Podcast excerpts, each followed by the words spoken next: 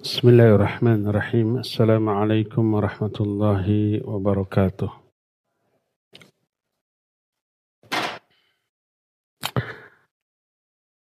إن الحمد لله نحمده ونستعينه ونستغفره ونعوذ بالله من شرور أنفسنا وسيئات أعمالنا. من يهده الله فلا مضل له ومن يضلل فلا هادي له.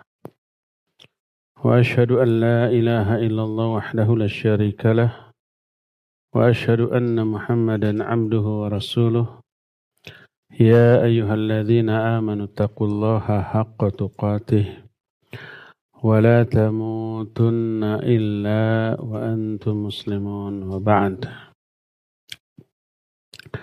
Anak-anakku sekalian, para santri di Ma'han Tahfil Quran Tarbiyah Sunnah Bandung, calon-calon hufal. Semoga kalian bisa hafid dalam jangka waktu setahun. Tahun kedua, itqan, memantapkan. Setelah setelah hafid, tidak lupa lagi. Jadi seorang hafid yang mutqin Quran bukan untuk dihafal lalu dilupakan, tapi dihafal untuk ditanamkan di dalam jiwa-jiwa kita. Semoga kalian semua menjadi hufad yang mutqinin, yang mantap di dalam hafalannya dan tidak lupa seumur hidup, tertanam dalam jiwa, teraplikasi dalam amal sampai di akhirat kelak. Anak-anakku sekalian, kita masuk ke pembahasan adab kepada Rasul Shallallahu Alaihi Wasallam. Kemarin sudah dibahas adab yang pertama adalah ittiba, mengikuti Nabi alaihi salatu wasallam dalam segala hal dalam berakidah, dalam beribadah, dalam bermuamalah, dalam berakhlak ya. Dalam segala hal. Sekarang yang kedua.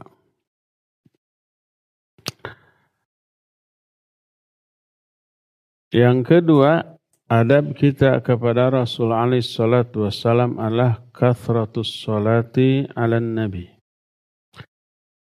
Memperbanyak salawat kepada Nabi Sallallahu Alaihi Wasallam. Terutama ketika nama beliau disebut. Siapa pun yang menyebutnya. Baik kita sendiri atau orang lain lalu kita dengar, kita wajib bersolawat kepada beliau. Kenapa? Karena diperintah oleh Allah dalam Al-Quran. Surah Al-Ahzab ayat 56 menyatakan innallaha wa malaikatahu yusalluna 'alan nabi ya ayyuhalladzina amanu sallu 'alaihi wa sallu 'alaihi wa sallimu taslima Sesungguhnya Allah dan para malaikatnya bersolawat kepada Nabi. Hai orang-orang yang beriman, bersolawatlah kalian kepadanya dan menyampaikan salam kepadanya dengan sebenar-benarnya. Jadi Allah pun bersolawat kepada Nabi Shallallahu Alaihi Wasallam. Para malaikat juga begitu. Makanya kita diperintahkan oleh Allah bersolawat. Kita anti solawat apa tidak? Ya tidaklah bersolawat kepada Nabi alaihi salatu wassalam diperintahkan oleh Allah. Wajib bersolawat kepada beliau. Kalau tidak bersolawat, bakhil. Apa bakhil teh? Pelit, sedit, merengkel, cap jahe, meregehese. Arti meregehese itu apa? Bakhil tadi pelit, susah ngasih gitu. Kata Nabi Shallallahu Alaihi Wasallam, beliau bersabda, al-bakhilu man Dzukirta indahu falam man Dzukirtu indahu falam yusalli alayya.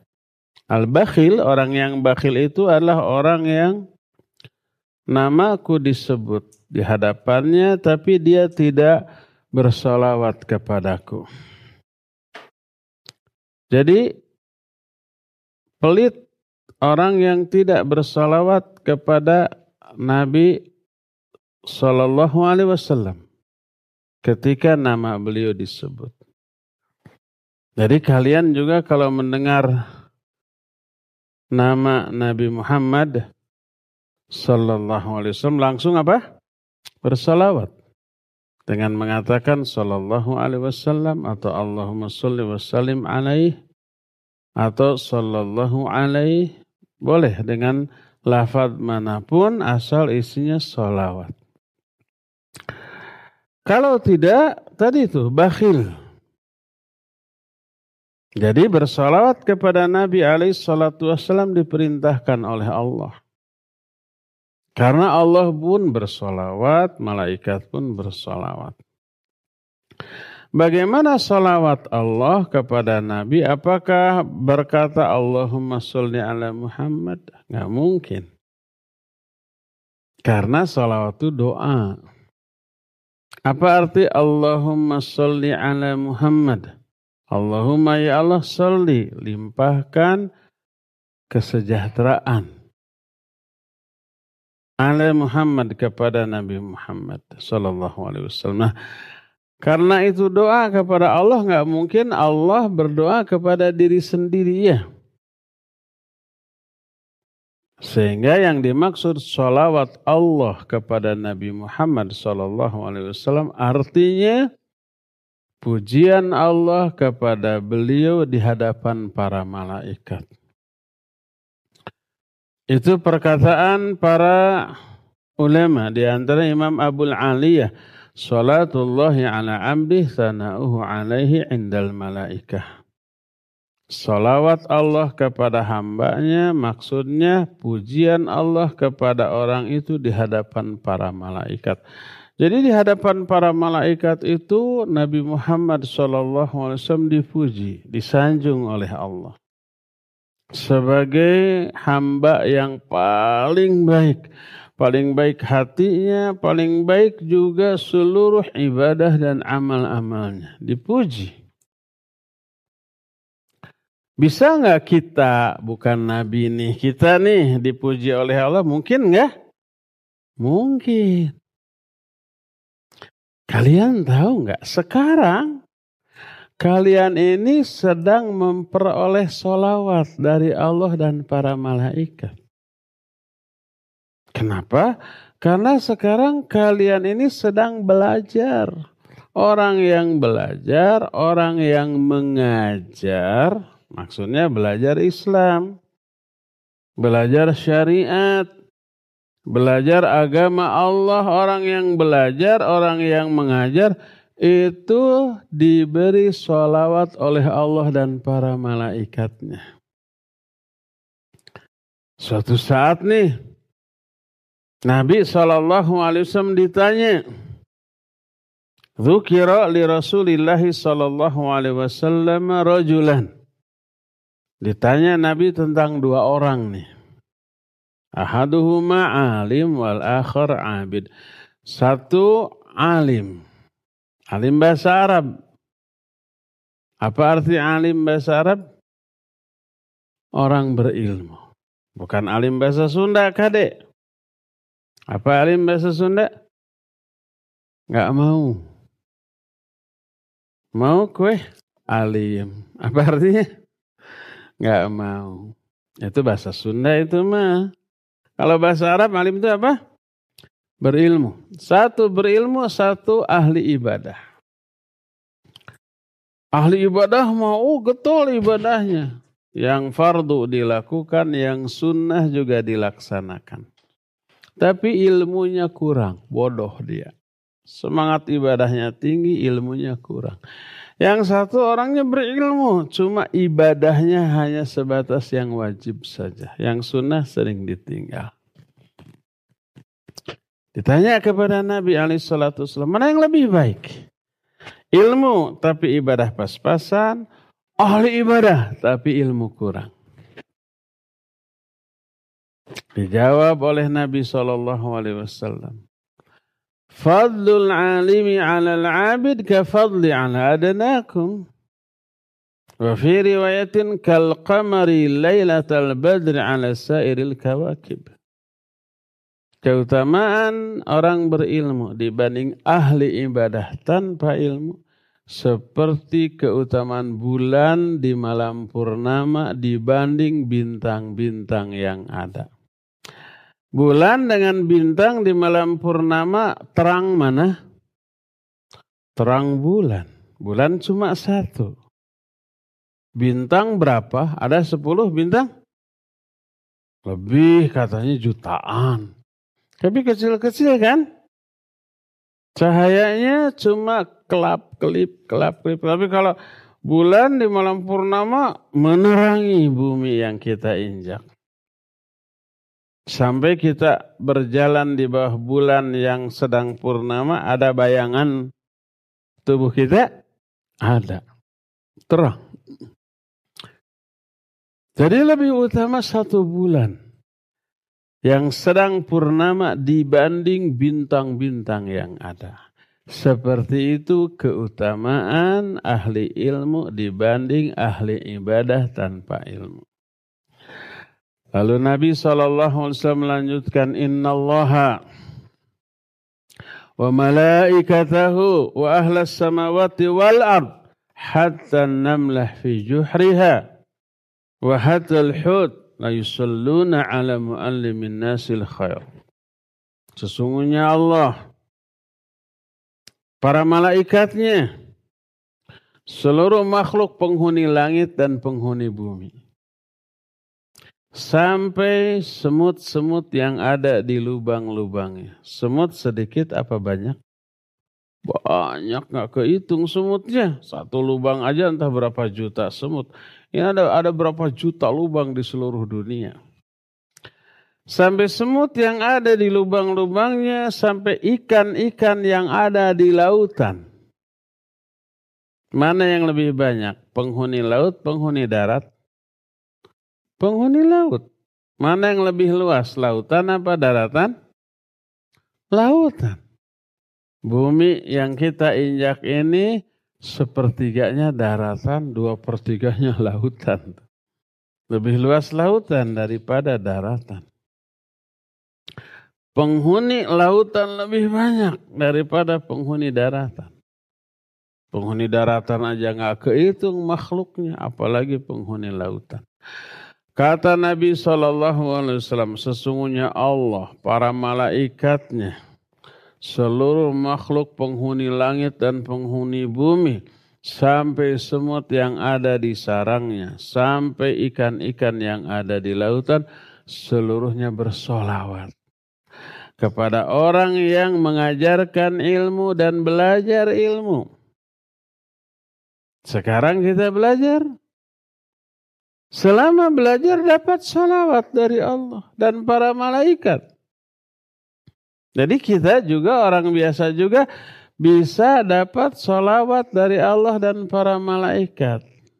Dengan cara gimana? Belajar begini. Jadi selama kalian di sini lebih banyak belajarnya, lebih banyak mainnya. Lebih banyak belajar atau harus namanya. Mainnya ada biar nggak jemu. Belajarnya iya. Di saat istirahat belajar murojaah ngapalin. Apalagi sebentar lagi tuh kalian mau ujian. Di bawah nilai 80 nggak boleh pulang.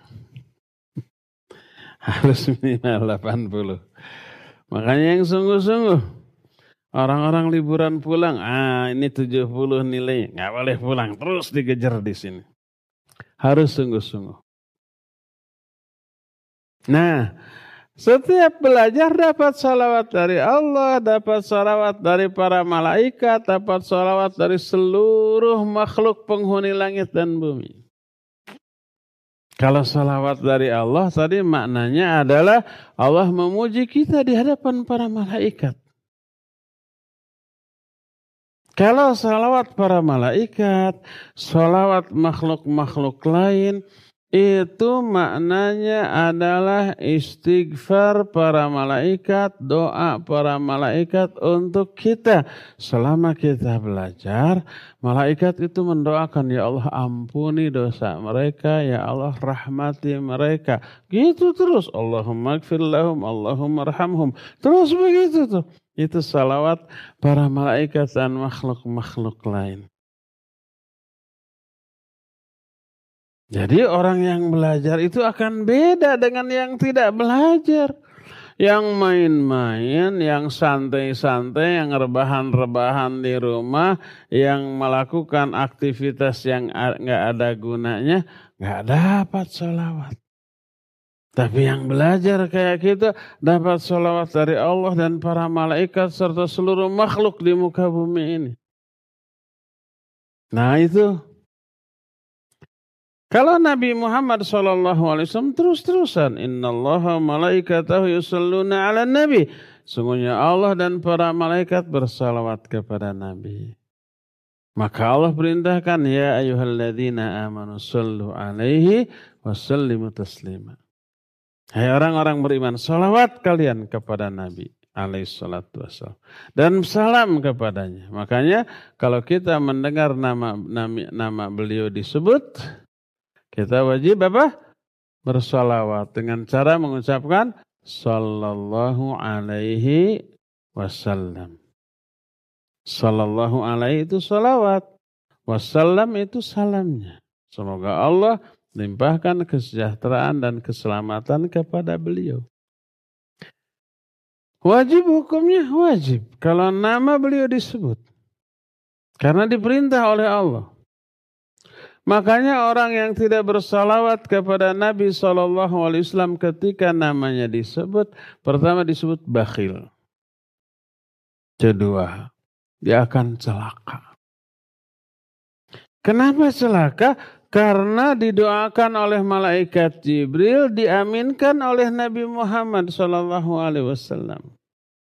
Suatu saat Nabi Shallallahu Alaihi Wasallam naik ke atas mimbar naik setingkat, dua tingkat. Karena mimbar Nabi SAW itu tiga tangga. Qama fi wa qa'ada ala thalithah. Beliau suka berdiri untuk khutbah di tangga kedua dan duduk di tangga ketiga. Itu mimbar Nabi SAW seperti itu. Seperti yang di masjid kita ya. Beliau naik ke atas mimbar Tiba-tiba di atas mimbar beliau mengucapkan amin, amin, amin tiga kali. Para sahabat kaget. Terpuguh-puguh. Nggak ada doa, nggak ada apa kok bilang amin. Biasanya amin itu mengaminkan apa? Doa. Ini nggak ada doa, nggak apa, tiba-tiba amin. Bertanyalah para sahabat. Alama amanta ya Rasulullah. Apa yang engkau aminkan wahai Rasulullah? Beliau menjawab. Atani Jibril. Barusan datang Jibril. Lalu berdoa dengan tiga doa. Aku aminkan tiga kali. Apa saja tiga doa ini? Saya tidak akan membahas tiga-tiganya karena kepanjangan. Satu saja. Salah satunya malaikat Jibril begitu datang berkata, Raqima anfumriin idha dhukirta indahu wa lam yusalli alaik. Faqul amin ya Muhammad. Faqultu amin. Kata malaikat Jibril, celaka seseorang yang namamu hai Muhammad disebut di hadapan orang itu tapi orang itu tidak bersalawat kepadamu. Sing cilaka semoga celaka. Ucapkan oleh mu'amin hai Muhammad. Maka aku pun mengatakan amin. Coba bayangkan Malaikat Jibril berdoa semoga celaka orang yang tidak salawat kepada Nabi SAW ketika namanya disebut. Diaminkan oleh Nabi SAW. Pasti makbul. Pasti dikabul. Pasti mujarab. Maka celakalah orang-orang yang tidak bersolawat kepada Nabi SAW ketika namanya di apa? Disebut. Lalu apa keutamaan bersolawat? Banyak. Pertama, bersalawat kepada Nabi Shallallahu Alaihi Wasallam adalah melaksanakan perintah Allah dalam Al-Quran. Tadi surah Al-Ahzab tu ayat 56. Ya ayuhalladzina amanu sallu alaihi wa sallimu taslima. Hai orang-orang beriman, salawat kalian kepada Nabi dan bersalam kepadanya. Itu pertama, melaksanakan perintah Allah. Pasti berpahala. Kedua, bakal dapat syafaat dari Nabi Shallallahu Alaihi Wasallam. Ketiga, Allah berfirman, "Man bil hasanah falahu asyru amsalihah." Siapa orang yang melakukan satu kebaikan akan dilipat gandakan sepuluh kali balasannya. Termasuk bersolawat. Kalau kita bersolawat kepada Nabi SAW sekali, balasannya Allah akan bersolawat kepada kita sepuluh kali. Kata siapa itu teh? Kata Nabi Muhammad sallallahu alaihi wasallam. Dalam hadis sahih riwayat Imam Muslim dari Abu Hurairah radhiyallahu an, Nabi alaihi salatu wasallam bersabda, "Man shalla alayya wahidatan sallallahu alaihi biha asyara." Siapa orang yang bersalawat kepadaku sekali saja, Allah akan bersalawat kepada orang itu sepuluh kali. Oleh karena itulah maka baca salawat. Terutama sangat dianjurkan membaca salawat itu kapan? Malam, malam Jumat dan hari hari Jumat. Sekarang hari apa? Jumat. Nah, perbanyak salawat. Dari tadi malam begitu pada maghrib perbanyak salawat. Allahumma salli ala Muhammad wa ala ali Muhammad. Allahumma salli wa sallim wa barik alaihi Allahumma salli ala Muhammad wa ala. Terus diulang-ulang. Boleh baca salawat yang kita baca dalam tahiyat. Allahumma salli ala Muhammad wa ala ali Muhammad. Kama sallaita ala ali Ibrahim. Barik ala Muhammad wa ala ali Muhammad. Kama barakta ala ali Ibrahim. Innaka Hamidum Majid. Boleh. Ulang-ulang itu sebanyak mungkin. Gak perlu dihitung 10 ribu kali. Pokoknya sebanyak mungkin. Lebih banyak lebih bagus. Tadi malam, sekarang sampai nanti maghrib perbanyak sholawat. Jadi salah satu di antara adab atau akhlak kita kepada Nabi Shallallahu Alaihi Wasallam memperbanyak sholawat kepada beliau. Berkata para ulama ketika menerangkan tentang faidah solawat. Wa kathratus salati ala nabi sallallahu alaihi wasallam min a'zami asbabi syarhil sadr wa taisiril amr wa tanwiril qabr.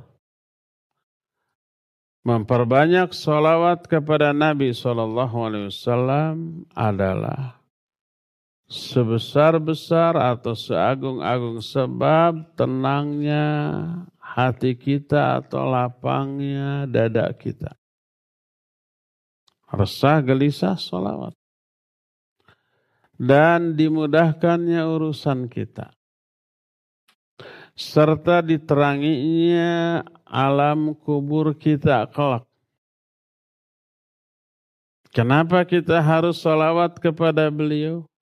Karena jasa-jasa beliau yang besar. Karena jasa beliau kita jadi tahu Quran. Kita jadi mengenal Allah. Kita jadi mengenal agama ini. Kita jadi tahu mana benar, mana salah. kita jadi tahu jalan kebahagiaan, jalan menuju surga. Itu jasa siapa? Jasa Nabi Shallallahu Alaihi Wasallam. Makanya berkata para ulama, kenapa kita harus bersolawat? Beliau, para ulama itu menyatakan, wa kaifala yukthirul muslimus salata ala nabi sallallahu alaihi wasallam, wa huwa ahabul khalqi ilaih, wa aktharuhum ihsanan ilaih, wa kullu khairin indahu bibarakati da'watihi sallallahu alaihi wasallam. Fakathratus sholah ala alaihi dalilun ala mahabbatihi wa unwanun ala ittiba'ihi. Fahada min a'zamil adab ma'a Rasulillahi sallallahu alaihi wasallam. Bagaimana seorang mukmin tidak memperbanyak salawat kepada Nabi Padahal Nabi itu adalah manusia yang paling dicintai oleh seorang muslim. Nanti di adab berikutnya kita akan menjelaskan adab kepada Nabi mencintai beliau melebihi dari cinta kepada diri kita sendiri. Melebihi dari mencintai orang tua, anak kita dan yang lain-lainnya. Jadi pertama bersolawat adalah bukti kecintaan kita kepada Nabi Shallallahu. Nabi Ali Shallallahu Wasallam orang yang paling berjasa kepada seluruh umat manusia. Paling banyak kebaikannya kepada kita. Semua kebaikan itu karena berkah dakwah beliau kepada kita.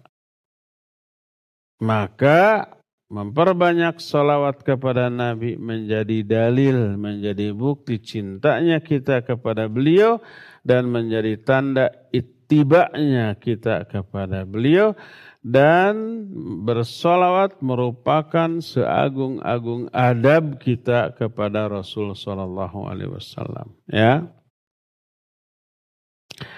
Terus bagaimana kita bersolawat? Salawat yang mana kan salawat sekarang banyaknya. Ada salawat Badriyah, pernah mendengar salawat Badar? Sering, cuma kalian nggak tahu yang suka dinyanyikan. Salatullah, salamullah. Pernah dengar? Hah, itu salat badar. Ada lagi salawat, bisa kadang-kadang disebut salawat kamilah, salawat munfarijah. Pernah dengar?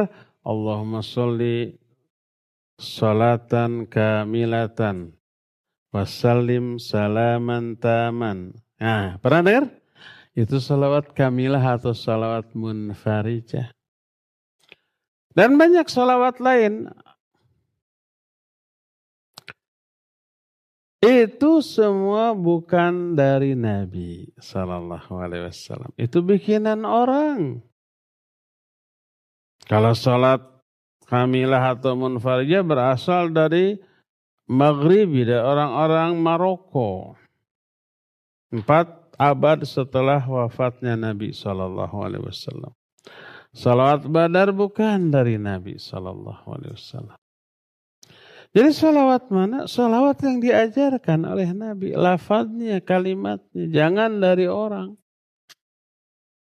Seorang sahabat datang, Ya Rasulullah, inna Allah amarona an nusalli alaik. Fakaifa nusalli alaik? Wahai Rasulullah, Allah telah memerintahkan kami untuk bersalawat kepada engkau. Bagaimana cara kami bersalawat kepadamu?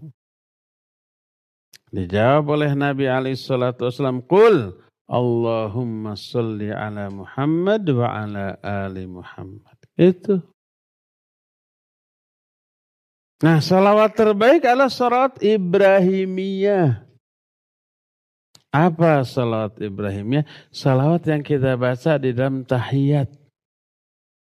Itu baca aja salawat itu tuh. Allahumma salli ala Muhammad wa ala Muhammad. Kama salli ta'ala ala Ibrahim. Barik ala Muhammad. Dan seterusnya. Itu yang kita baca. Jangan baca-baca yang lain-lain yang bukan dari Nabi SAW. Sebab apa? Sebab bersalawat ini bagian dari agama. Dan pelaksanaan agama harus mencontoh Nabi Shallallahu Alaihi Wasallam. Jangan ngarang-ngarang kata orang. Mana yang kita ikuti? Salawat dari Nabi atau salawat dari orang lain? Dari Nabi atau ya. Karena pada kalau dari Nabi berdasarkan wahyu dan itu pasti terbaik. Fa inna khairal hadi hadi Muhammadin sallallahu alaihi wasallam. Sebaik-baik petunjuk, sebaik-baik contoh adalah petunjuk dan contoh dari Nabi sallallahu alaihi wasallam. Apa yang diterima dari Nabi begitu, udah begitu jangan ditambah, dikurang apalagi dirubah ya. Inilah salah satu di antara adab kita kepada Nabi Sallallahu Alaihi Wasallam yaitu memperbanyak sholawat kepada beliau ya. Cukup ya sampai di sini saja dan kita masuki sekarang sesi tanya jawab. Cung. Wah, yang pakai baju hijau tuh. Assalamualaikum. Waalaikumsalam warahmatullahi wabarakatuh. Nama Sutiana. Siapa? Sutiana. Sutiana. Dipanggilnya Suti. Iya. Ayah Suti. Dari? Dari Cipongkor, Cipongkor, Cipongkor Cimahi. Cibenda. Cipongkor? Cililin. Oh Cililin. Ayah Suti. Ana mau nanya apa yang dimaksud bid'ah bid'ah hasanah dan bid'ah sayyah. Iya. Apa yang dimaksud dengan bid'ah hasanah dan bid'ah sayyi'ah? Secara bahasa, bid'ah hasanah itu bid'ah yang baik.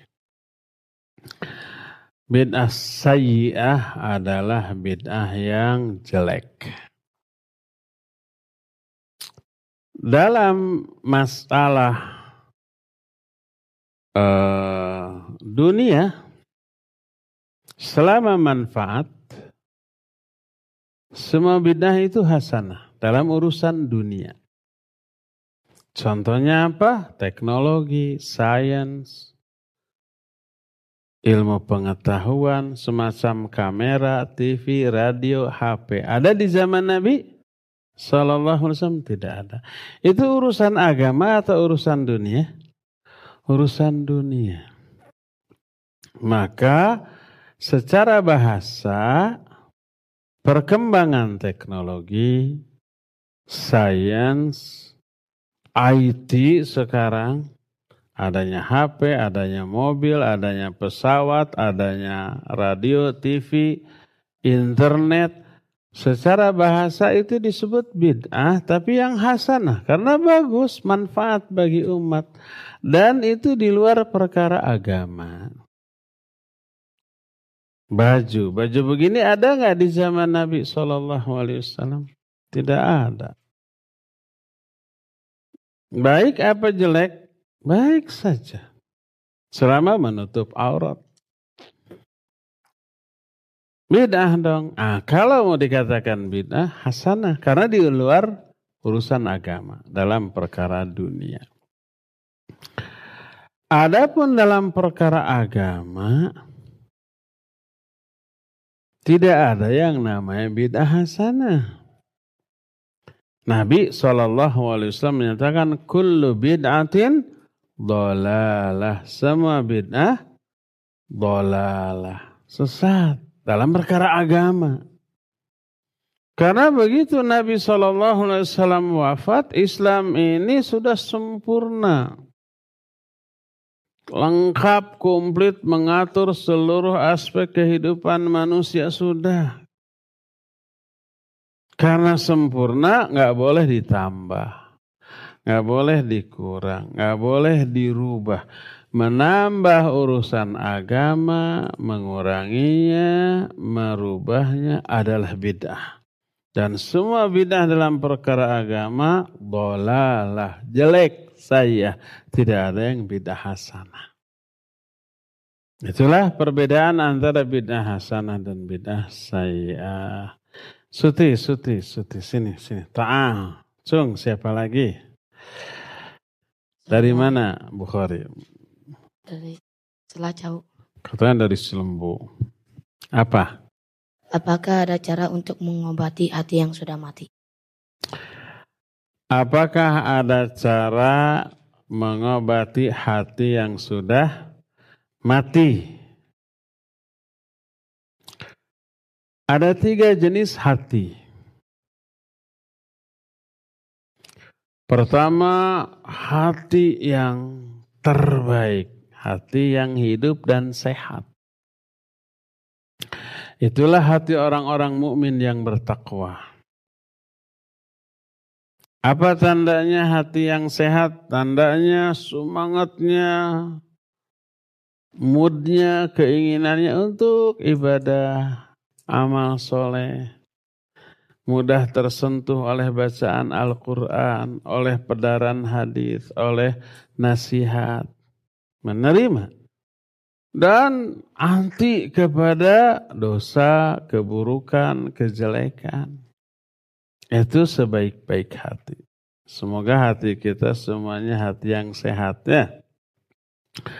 Kedua hati yang hidup tapi sakit terkena penyakit. Penyakit apa? Ada dua penyakit hati, syubhat dan syahwat. Kalau syubhat lahir dari kebodohan. Karena bodoh dia memiliki pendapat, pandangan, akidah, keyakinan yang salah, yang keliru. Keliru dalam memahami nama-nama dan sifat Allah.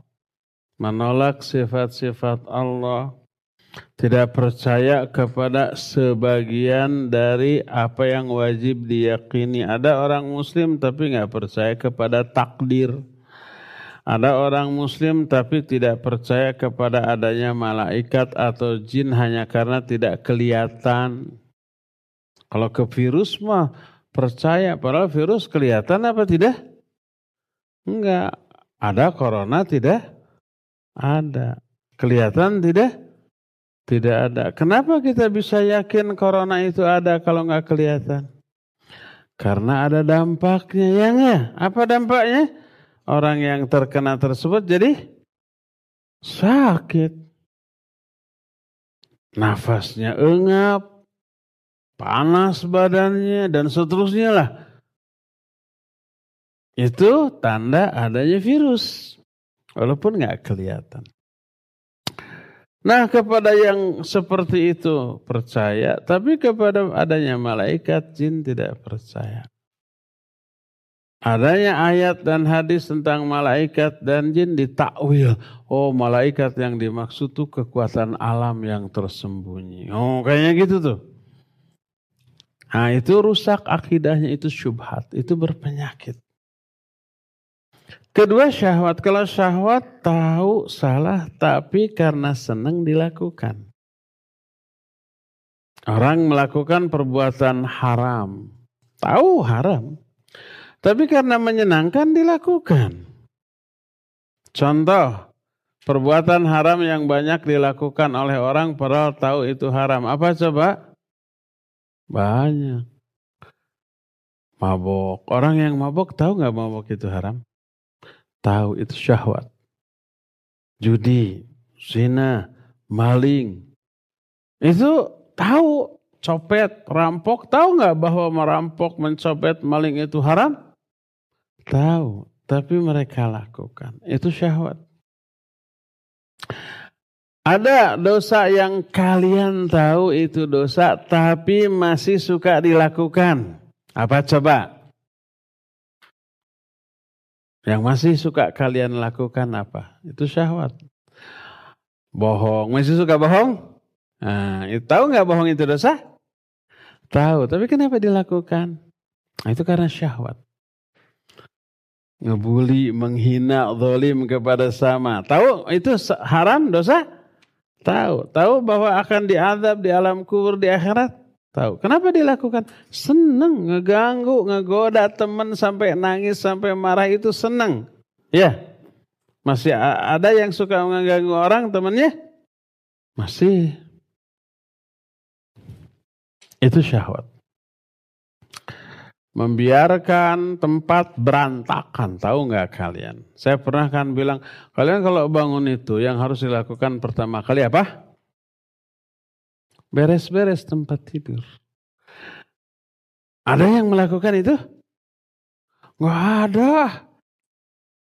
Tahu nggak? Hampir setiap pagi saya suka jalan-jalan. Kalian di sini saya masuk tuh ke kamar kalian. Nggak ada yang beres satupun. Tenerap ya budak teh kumaha sih.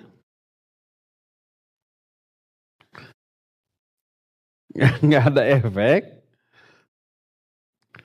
Nanti harus dipertegas. Sampai saya tanya juga ke mudirnya. Siapa mudirnya? Ustaz Haidar. Itu anak-anak suka disuruh, wah sering tapi nggak ada yang nurut. Tekan sama musyrifnya. Besok saya jalan-jalan lagi ke sana. Coba lihat. Beres apa enggak? Pabolotok, selimut, bantal, ada piring segala macam gitunya. Bekas makan tadi malam merenan gitu. Ta. Jadi yang orang yang hatinya hidup tapi sakit adalah orang yang kadang-kadang ibadah melaksanakan kewajiban, kadang-kadang dia melakukan hal yang diharamkan. STMJ. Siapa yang tahu STMJ apa? Ada yang tahu? Apa? Gak kedengaran. So, salah terus. Hafid. Yang keras. Apa? Sholat terus, maksiat jalan. ST, MJ. Ustaz, selama ini saya dengar STMJ itu bagus, sehat ke badan. Itu mah minuman susu, telur, madu, jahe. Itu mah iya bagus. Kalau STMJ ini nggak bagus, sholat terus maksiat jalan. Sholatnya rajin. Baca Quran terus tiap hari, sehari beberapa kali. Tapi ngebohong terus, ngebully kawan, jail ke kawan terus, menyakiti teman-teman terus. Itu STMJ itu. Itu yang hatinya sehat tapi, eh hatinya hidup tapi sakit. Itulah hati orang-orang muslim ahli maksiat.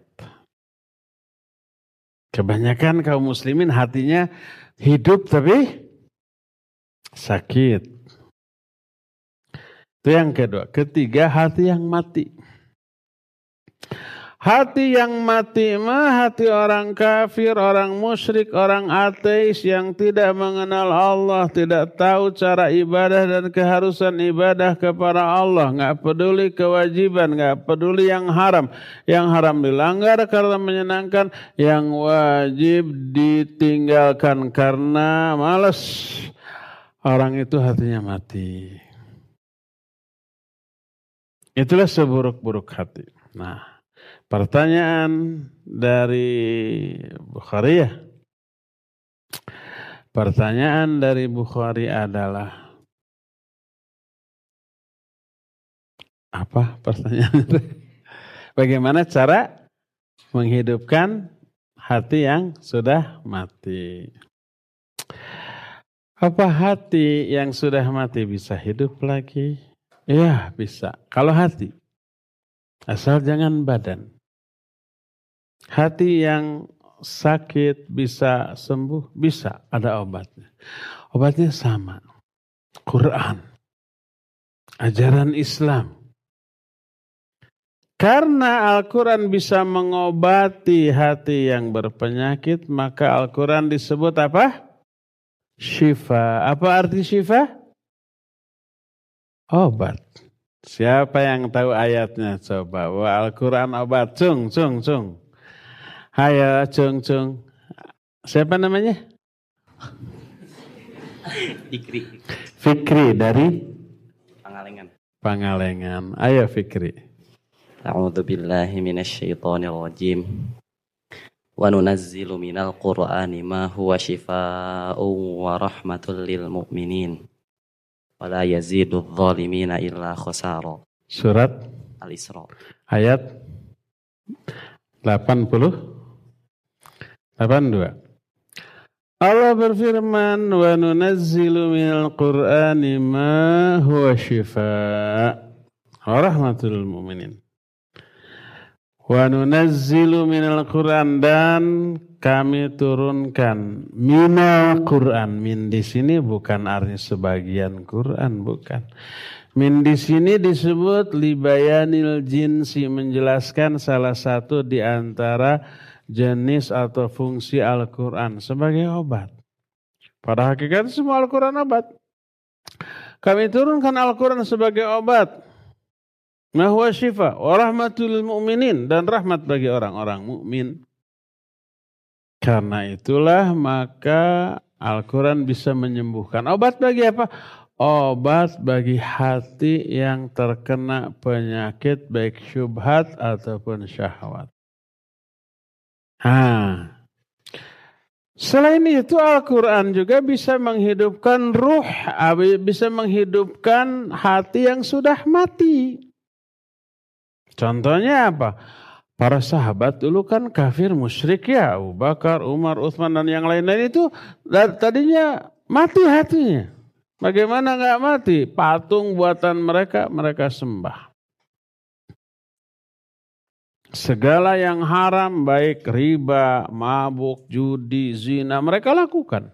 Hati mereka mati.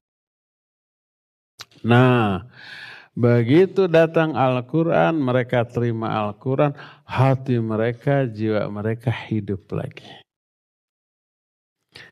Jadi Al-Quran itu ibarat ruh bagi jiwa. Maka salah satu di antara sebutan bagi Al-Quran adalah ruh. Siapa yang tahu ayatnya bahwa Al-Quran ruh? Cung, siapa? Bahwa Al-Quran disebut ruh. Siapa lagi yang tahu? Cung, cung, cung, cung, cung. Mungkin ada yang sudah hafal ayat ini tapi nggak tahu artinya. Fikri tahu? Apa? Itu pakai itu lagi. Ayatnya gimana? A'udzu billahi minasyaitonir rajim. Wa kadzalika auhayna ilaika ruham min amrina. Ma kunta tadri mal kitab walal iman walakin ja'alnahu nuran nahdi bihi man nasha'u min ibadina. Iya, artinya artinya apa? Dan telah kami Wa kadzalika dan demikianlah telah, telah kami wahyukan uh, kepadamu kepadamu uh, ruh atas perintah kami. perintah kami. Baik, barakallahu fiik. Fikri nanti dua. Allah berfirman wa kadzalika auhayna ilaika ruhan min amrina. Demikianlah kami telah wahyukan kepada engkau hai Muhammad ruh dari perintah kami. Ruh yang dimaksud Quran. Kami wahyukan Quran yang disebut dengan ruh. Kenapa Quran disebut ruh? Karena salah satu fungsi Quran seperti fungsi ruh. Apa fungsi ruh? Menghidupkan. Kita sekarang hidup jasad kita. Ada orang yang sudah mati. Padahal jasadnya semuanya utuh. Tangannya, kakinya, kepalanya semua ada seperti kita. Tapi kenapa dia mati kita hidup? Kenapa? Karena dalam diri kita ada ada ruh. Ruh itu menghidupkan jasad. Quran ruh bagi jiwa. Jiwa ini kalau sudah mati, nggak ada Quran di dalamnya. Maka orang kafir, orang musyrik yang tidak ada Quran di dalam. Tidak beriman sedikit pun kepada Quran. Mati. Makanya para ulama kalau melihat rombongan orang kafir lewat, mereka menyebut itu ada kuburan yang sedang berjalan. Apa yang dimaksud kuburan yang berjalan? Tubuh orang kafir menjadi kuburan bagi hatinya yang sudah mati. Hatinya yang sudah mati terkubur di dalam badannya. Oh itu kuburan berjalan. Itulah orang-orang kafir. Hatinya mati. Bisa nggak hati orang kafir yang mati dihidupkan? Bisa. Kalau mereka menerima Quran. Beriman kepada Quran, meyakini kebenaran Quran, ya, membacanya, menghafalkannya, mengamalkannya, itu hidup lagi seperti yang dialami oleh para sahabat yang tadinya kafir, tadinya musyrik. Jadi hati yang sehat itu karena Quran. Kalian para penghafal Quran adalah orang-orang yang harusnya orang yang paling sehat hatinya. Jiwanya. Karena diisi oleh Al-Quran yang merupakan ruh sekaligus obat. Gak boleh lagi ada kezoliman kepada sesama, malas dalam ibadah beramal soleh. Gak boleh lagi nanti besok kalau ditinjau itu tempat tidurnya masih amrut, awut-awutan, pabalatak, semrawut. Selimutnya harus sudah terlipat rapi. Bantalnya juga jangan awut-awutan, acak-acakan, acak adut sarung terlipat rapi. Baju kotor kan ada tempatnya di sana. Jangan ditamrukan di kamar. Ditamrukan tadi, ditamrukan. Disimpan. Nanti mengundang penyakit, nyamuk, dan seterusnya. Piring kotor nggak boleh ada di sana. Dan seterusnya. Ya, kalian menjadi orang dengan hati yang paling sehat. Nah, Al-Quran juga bisa menyembuhkan hati yang kena penyakit, baik syahwat ataupun syubuhat. Dan Al-Quran bisa menghidupkan kembali hati yang sudah mati. Dengan cara difahami Al-Quran itu, diyakini kebenaran, diamalkan akan sehat lagi. Ya, Wallahu a'lam. Assalamualaikum warahmatullahi wabarakatuh. Assalamualaikum warahmatullahi Saya Iqbal dari Bekasi. Iya, tahu. Ted, Anda mau nanya uh, apa arti Wahabi? Apa? Wahabi. Arti Wahabi. Ada salah satu di antara nama Allah adalah Al-Wahhab. Siapa yang tahu ayatnya? Al ada yang ada Al-Wahhab. Selain Fikri. Ayo cung, cung, cung, cung. Siapa? Yang ada Al-Wahhab. Ini doa ini. Ayo, ayo, cung, cung, cung, cung. Ayo. Ambil, eh, eh, kasih, kasih. Nama, nama, nama. Abdurrahman, siapa nama. namanya?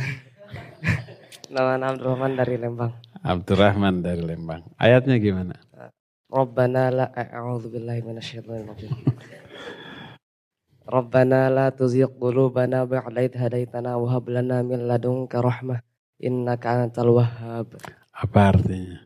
Rabbana ya Allah la tuzigh qulubana. Jangan engkau sesatkan hati-hati kami ba'da id hadaitana. Setelah engkau memberi hidayah kepada kami. Wahab lana dan berikan kepada kami milladunka dari sisimu rahmah. Rahmat. Innaka antal wahab sungguh engkau al wahab surah apa Ali Imran. Ayat? Ayat berapa? Nggak jadi rotinya. Ali Imran ya. Ayat berapa ya? 8 atau 9? 8, ayat 8. Al-Wahhab artinya maha pemberi. Innaka antal wahab. Sungguhnya engkau maha pemberi. Jadi Al-Wahhab itu nama Allah. Wahabi pengikut Allah. Artinya, secara bahasa artinya pengikut Allah, pengikut Al-Wahhab. Tapi sekarang ini, sekarang ini ya, diklaim bahwa Wahabi itu pengikut Syekh Muhammad bin Abdul Wahhab. Padahal namanya Muhammad. Muhammad bin Abdul Wahhab. Muhammad putra Abdul Wahhab. Ayahnya Abdul Wahab. Ini Muhammad. Harusnya Muhammadi bukan Wahabi. Salah mereka. Taib, ada dua sebutan untuk Wahab, Al-Wahabi. Pertama, Wahabi pengikut uh, apa bin Rustum zaman bahula mula. Dia khawarij, dia takfiri. tukang mengkafir-kafirkan orang. Ya, itu sesat ya. Ibnu Rustum zaman dahulu. Kedua ada Syekh Muhammad bin Abdul Wahab. Salah satu pendiri negara Saudi. Nah, ini mah yang merujuk kepada akidah dan pemahaman as-salafus soleh. Oleh karena itu, setiap orang yang menisbatkan diri kepada as-salafus soleh atau disebut salafin, suka juga disebut wahabi. Tapi terbalik apa uh, te, apa namanya talabus apa talabus terjadi ke kebalik-balik dengan Wahabi zaman Ibnu Rustum zaman bahula. Oleh karena itulah maka Seringkali orang-orang salah faham. Disangkanya sebuah, semua wahabi itu takfiri. Mengkafirkan orang yang dianggap berdosa besar. Padahal wahabi versi Muhammad bin Abdul Wahab sangat super hati-hati dalam mengkafirkan orang. Tidak semua orang yang melakukan kekafiran otomatis difonis kafir. Tidak semua orang yang melakukan perbuatan syirik otomatis dianggap musyrik. Tidak semua orang yang melakukan perbuatan bid'ah otomatis disebut ahli bid'ah. Enggak, itu sangat hati-hati sekali. Ada gitu orang melakukan perbuatan syirik tapi tidak disebut musyrik? Ada, yaitu orang yang melakukan perbuatan syirik karena kebodohan. Dahulu tuh para sahabat bertanya, "Ya Rasulullah, ij'al lana dzata anwat kama lahum dzatu anwat." Wahai Rasulullah, tolong buatkan untuk kami dzatu anwat tuh orang-orang musyrik juga punya dzatu anwat. Datu anwat itu sejenis kayu dari pohon tertentu tempat menggantungkan senjata-senjata perang. Kalau digantungkan di sana jadi sakti gitu. Semacam jimat. Para sahabat minta itu kepada Nabi Sallallahu Alaihi Wasallam. Apa kata beliau? Kalian sudah meminta kepadaku seperti perkataan umat Musa kepada Musa, Ij'al lana ilahan kamalahum alihah. Buatkan bagi kami patung sesembahan. Tuh mereka juga punya patung sesembahan. Jadi minta jimat sama dengan minta patung sesembahan. Syirik apa tidak? Syirik. Para sahabat sudah minta itu. Tapi oleh Nabi tidak dikatakan kamu sudah musyrik, hayo syahadat lagi. Enggak. Hanya diberitahu itu teh musyrik, jangan. Udah. Para sahabat sudah terjerumus ke dalam keyakinan syirik, tapi tidak difonis musyrik karena enggak tahu. Jadi kalau ada orang melakukan perbuatan syirik atau kufur karena ketidaktahuan, enggak boleh langsung difonis. Oh musyrik, oh kafir. Enggak. Jadi begitu. Ya. Jadi ajaran Wahabi yang benar itu yang sangat anti mengkafir-kafirkan orang. Yang sangat anti menyebut nama orang. Yang dijelaskan adalah hukum sebuah perbuatan, bukan memfonis orangnya. Ustadz bagaimana perbuatan ini, ini, ini. Oh ditimbang oleh Quran, Sunnah berdasarkan penjelasan para ulama. Ini nggak ada dalilnya, jangan dilakukan. Sudah gitu. Jadi yang dibicarakan hukum perbuatan. Bukan orangnya. Tapi akhirnya orang yang melakukan itu tersinggung. Lalu dituduh, lalu menuduh, oh membinahkan orang. Padahal bukan orangnya, perbuatannya. Orang yang melakukan perbuatan itu karena ketidaktahuan nggak difonis ahli bidah enggak. Mereka salah paham saja ya. Demikian wallahu a'lam bissawab. Wassallallahu ala nabiyina Muhammadin wa ala alihi wa ashabihi wasallam. Assalamualaikum warahmatullahi wabarakatuh.